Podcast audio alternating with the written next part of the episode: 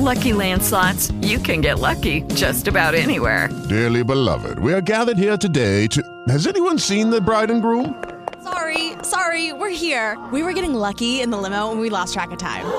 No, Lucky Land Casino, with cash prizes that add up quicker than a guest registry. In that case, I pronounce you lucky. Play for free at LuckyLandSlots.com. Daily bonuses are waiting. No purchase necessary. Void were prohibited by law. 18 plus. Terms and conditions apply. See website for details. Radio Plus. Człowiek z bliska.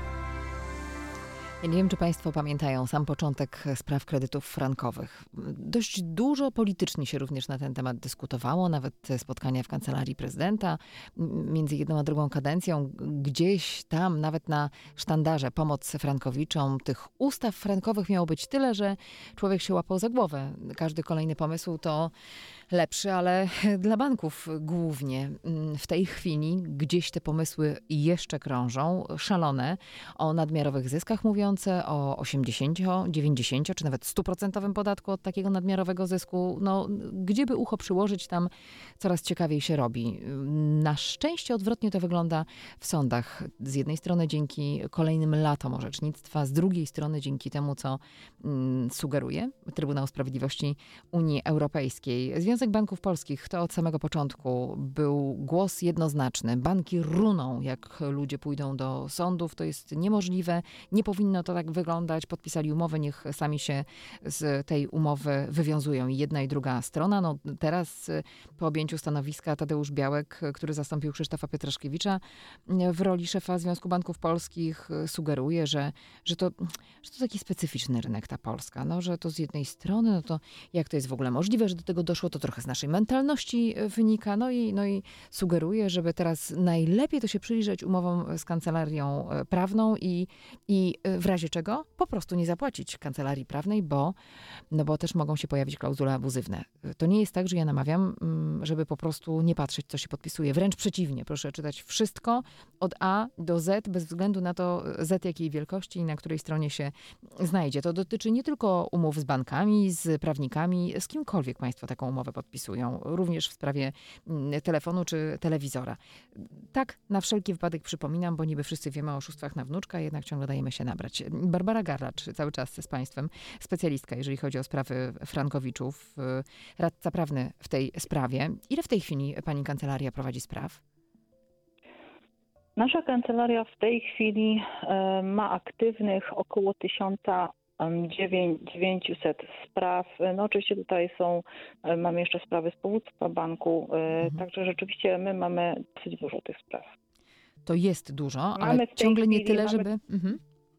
W tej chwili jeśli chodzi o takie statystyki, to mamy w tej chwili zakończonych ponad 700 spraw w pierwszej instancji i mm, ponad 250 spraw w drugiej instancji. Więc tutaj e, uważam, że biorąc pod uwagę fakt, że tak naprawdę wyroki, e, chociaż my działamy od 2014 roku, wyroki tak naprawdę w sprawach frankowych zaczęły pojawiać się e, w takiej większej ilości dopiero w, dwa, w końcówce 2018-2019, a jeżeli chodzi o prawomocne wyroki, no to to jest rok 2020 i dopiero, i dopiero wtedy rzeczywiście zaczę, zaczęły, zaczęła ta linia orzecznicza się kształtować. Wcześniejsze lata to były różne próby poszukiwań e, różnych rozwiązań przepychanki. Też e, sporo takich przepychanek e, i na kruczki prawne, i na przeciąganie liny, i na obecności i nieobecności na rozprawach, bo takie rzeczy wiadomo też się e, zdarzały. Gdyby teraz miała Pani powiedzieć, na ile lat musi się szykować ktoś, kto do takiej rozprawy chciałby podejść, to co by Pani powiedziała? My zawsze mówimy klientom, że standardowo należy liczyć 5 lat na dwie instancje.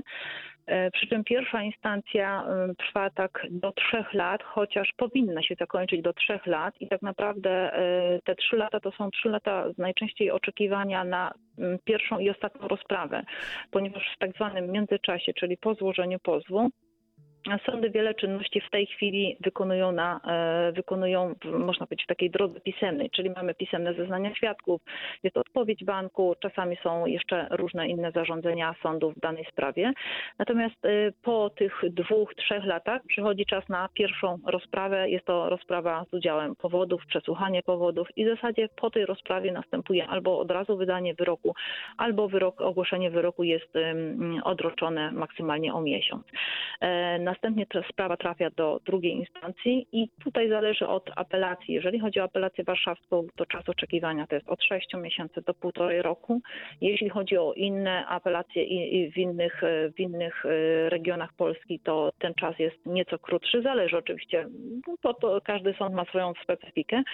Natomiast E, myślę, że tutaj e, e, na chwilę obecną trzeba szacować 5 lat, choć oczywiście mamy sprawy, które są bardzo szybko kończone. Niektóre sprawy udaje się w ciągu dwóch lat prowadzić do końca. Od czego to zależy? Są i sprawy, mm, już, już, mhm. już, już, już mówię, panie redaktor, są ale też musimy powiedzieć tutaj słuchaczom, że są sprawy i tutaj trzeba się uzbroić w cierpliwość, bo są sprawy, które potrafią trwać nawet 5 lat w pierwszej instancji, więc ten średni czas oczekiwania to jest 5 lat. Y, pocieszeniem jest to, że być może, i, to jest to, co powiedziałam też y, w pierwszej części tej audycji, że ja się spodziewam, że za y, dwa lata, trzy lata może dojść do sytuacji, że nie będzie w ogóle drugiej instancji, więc ten czas procesu może się skrócić. Zależy to od wielu czynników.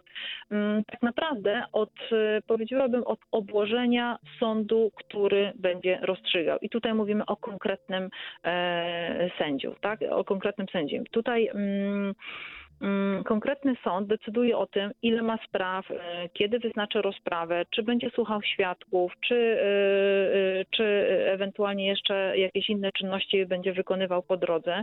Często jest też kwestia organizacji pracy własnej tego sądu, organizacji pracy sekretariatu sądu, bo jednak sekretariat wykonuje pewne zarządzenia i są, są sądy, w których pozew jest sprawnie przekazany w ciągu dwóch tygodni, a są sądy, gdzie ten pozew jest przekazany przekazywane przez kilka miesięcy w drugiej stronie, więc e, dużo zależy od organizacji wymiaru sprawiedliwości, no i wiemy, jak, jak, jak ta organizacja wymiaru sprawiedliwości wygląda czasem nie wygląda. Jak, jak sprawdzić e, sąd właściwy, e, który miałby rozstrzygać naszą sprawę? Czy to jest właściwy względem mm, adresu tego mieszkania, o które się bijemy, czy względem adresu tego, kto się bije? E, w tej chwili e, wyszła nowelizacja, e, weszła w życie, weszły w życie przepisy nowelizujące kodeks postępowania cywilnego. Jeżeli chodzi o spory dotyczące czynności bankowych, czyli tych spory tych, tych mhm. klientów, którzy zawarli tak zwane umowy frankowe, to pozew może być złożony według miejsca zamieszkania klienta, co ma na celu odciążenie tutaj sądów warszawskich, które rzeczywiście przyjmowały do tej pory najwięcej w kraju tych spraw. No i tutaj dlatego tak bardzo to się rozciągało w czasie. Jak wyliczyć osobie, czy jest w ogóle na to jakiś sposób?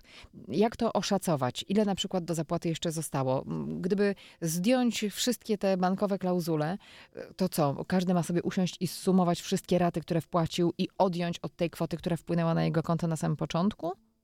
Mniej więcej tak, e, przyjmując, że to, co, czyli patrzymy przede wszystkim na kwotę, którą kredytobiorca otrzymał z banku, jest to kwota w złotówkach, e, i porównujemy ją po drugiej, na drugiej, e, po drugiej, e, porównujemy ją z kwotą rat kapitałowo-odsetkowych, które kredytobiorca wpłacił. Często kredytobiorcy pytają, jak przeliczyć kwoty, które były płacone do banku we frankach szwajcarskich. Tutaj robimy tylko pewne oszacowanie, czyli wszystkie franki, które były zapłacone do banku w ramach rat kapitałowo-odsetkowych, należy przeliczyć mniej więcej kursem bieżącym. Oczywiście na koniec procesu, po drugiej instancji, jak wyrok jest prawomocny, robimy rozliczenie z bankiem. I tutaj najczęściej te, to rozliczenie jest dokonywane poprzez oświadczenia o potrąceniu jednej lub drugiej strony. E, I przyjmując i składając takie oświadczenie o potrąceniu mm, w imieniu klienta, który płacił do banku franki szwajcarskie, uwzględniamy, po pierwsze uwzględniamy, czy to niezależnie od tego, czy płacił franki czy złotówki, uwzględniamy wszystkie kwoty, które klient e, wpłacił do banku, nawet te po złożeniu pozwu. Jeśli klient w ramach kwot, które spłacił do banku, e, jeśli to są kwoty płacone we franku szwajcarskim, to po prawomocnym wyroku te franki szwajcarskie będą przeliczane. Najczęściej najczęściej jest to przeliczenie mm, opierające się o kurs z tak zwanego dnia wymagalności. No i ten dzień wymagalności roszczeń klienta trzeba ustalić. Najczęściej jest to kurs mm, zbliżony do kursu bieżącego. Mhm. To też zależy od tego, jak sąd drugiej instancji zasądzi odsetki, od jakiej kwoty, kiedy ustali wymagalność roszczeń, które były objęte pozwem. Mm, ale co do zasady, no jeżeli ktoś złożył e, pozew, załóżmy w 2019 roku na jakąś pulę franków szwajcarskich i otrzymał w drugiej instancji odsetki od, e, mm, załóżmy, od doręczenia pozwu do banku, to wtedy dla tych kwot we frankach szwajcarskich, które są w pozwie, będziemy stosować do przeliczenia tych kwot kurs z mm, dnia, e, z dnia otrzymania pozwu przez bank. To mhm. tak jak mówię, w zależności od tego, jak sąd ustali odsetki od tej kwoty e, we frankach szwajcarskich, e, we frankach szwajcarskich, która była wskazana w pozwie. Natomiast jeżeli mamy po pozwie dalej płacone raty, to po drugiej instancji dokonujemy wezwania do zapłaty do banku na te kwoty, czyli stawiamy tę wierzytelność w stan wymagalności mhm. i mamy i ten stan wymagalności, czyli ten dzień, w którym e, bank de facto powinien zapłacić, wyznacza nam kurs do przeliczenia. Więc można taką zasadę przyjąć, że e, w tej chwili wysoki kurs franka Mm, jest korzystny dla rozliczających się kredytobiorców, ponieważ franki, które zapłacili w przeszłości, mogą przeliczyć wysokim kursem. Natomiast jeżeli ten, te franki są przeliczane po kursie, e, po kursie mm, załóżmy z 2019 czy 2016, kiedy ten kurs był niższy, ale wtedy nastąpiła ta wymagalność e, wierzytelności klienta wskazanych w pozwie, która nam mm, wyznacza ten kurs, to y, można powiedzieć, że te odsetki, które klient dostaje za czas trwania procesu, no są pewną taką rekompensatą mhm. tego, że ten kurs do przeliczenia franków z pozwu będzie niższy. Jest to, nie wiem czy to oczywiście dla słuchaczy jest zrozumiałe, jest to pewien mechanizm troszkę można powiedzieć skomplikowany oczywiście dla e, postronnego e, tutaj słuchacza. Natomiast w tej chwili nie ma problemów e, co do rozliczeń z bankami, ponieważ ta ta, ta, ten, ten, problem związany z tym, jakie kursy stosować do potrącenia waluty frank szwajcarski płaconej przez kredytobiorców, on wydaje się już zanikać i tutaj i po jednej i po drugiej stronie prawnicy mają pewne ustalone zasady działania. Zostały nam niecałe dwie minuty. Chciałabym na koniec, jeżeli pani pozwoli, zapytać o panią, bo pani też tę drogę przeszła. Tak, oczywiście ja mm, przeszłam całą drogę, jaką chyba przechodzi standardowy mm, e, e, tak zwany Frankowicz, poczynając od e, pewnej naiwności, jaka występuje na początku, gdzie, e, która kieruje klienta do negocjacji z bankiem, gdzie klient próbuje, gdzie klient myśli, że jest dla banku jakimś partnerem. Klient indywidualny nigdy dla banku nie będzie partnerem.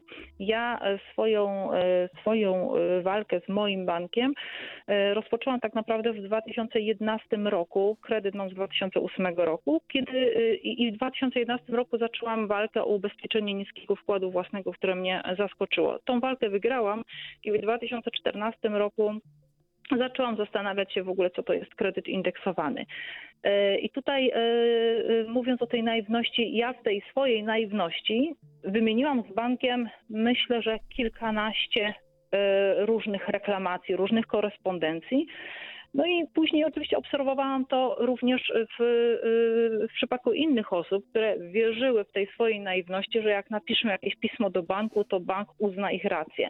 Y, na szczęście te czasy się nieco zmieniły i w tej chwili rzeczywiście można dostrzec całkiem korzystne, ale to tak jak mówię, to jest dopiero początek, całkiem korzystne rozwiązania ugodowe, które zaczynają proponować banki.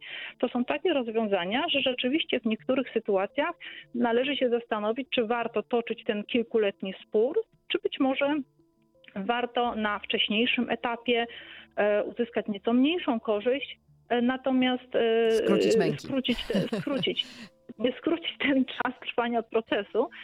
Myślę, że takim, tak jak powiedziałam, tym momentem przełomowym. Ja tak uważam, że dla banków momentem przełomowym będzie wyrok TSUE, na który wszyscy czekamy. 15 czerwca. No to będziemy słuchać, sprawdzać i zobaczymy, czy mm, taki gigantyczny kamień spadnie z wielu serc. Barbara Garlacz, radca prawny specjalizujący się w sprawach Frankowiczów. Bardzo dziękuję za przeprowadzenie dziękuję. przez te meandry. Dobranoc. Dobrego wieczoru, spokojnego wieczoru, dobranoc. Państwu jeszcze nie mówię dobranoc, po 21 się słyszymy, no i co? No i piłka będzie w grze.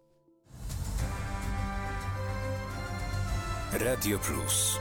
Człowiek z bliska. With the Lucky Land slots, you can get lucky just about anywhere. This is your captain speaking. Uh, we've got clear runway and the weather's fine, but we're just going to circle up here a while and uh, get lucky. No, no, nothing like that. It's just these cash prizes add up quick. So I suggest you sit back, keep your tray table upright, and start getting lucky. Play for free at LuckyLandSlots.com. Are you feeling lucky? No purchase necessary. Void where prohibited by law. 18 plus terms and conditions apply. See website for details.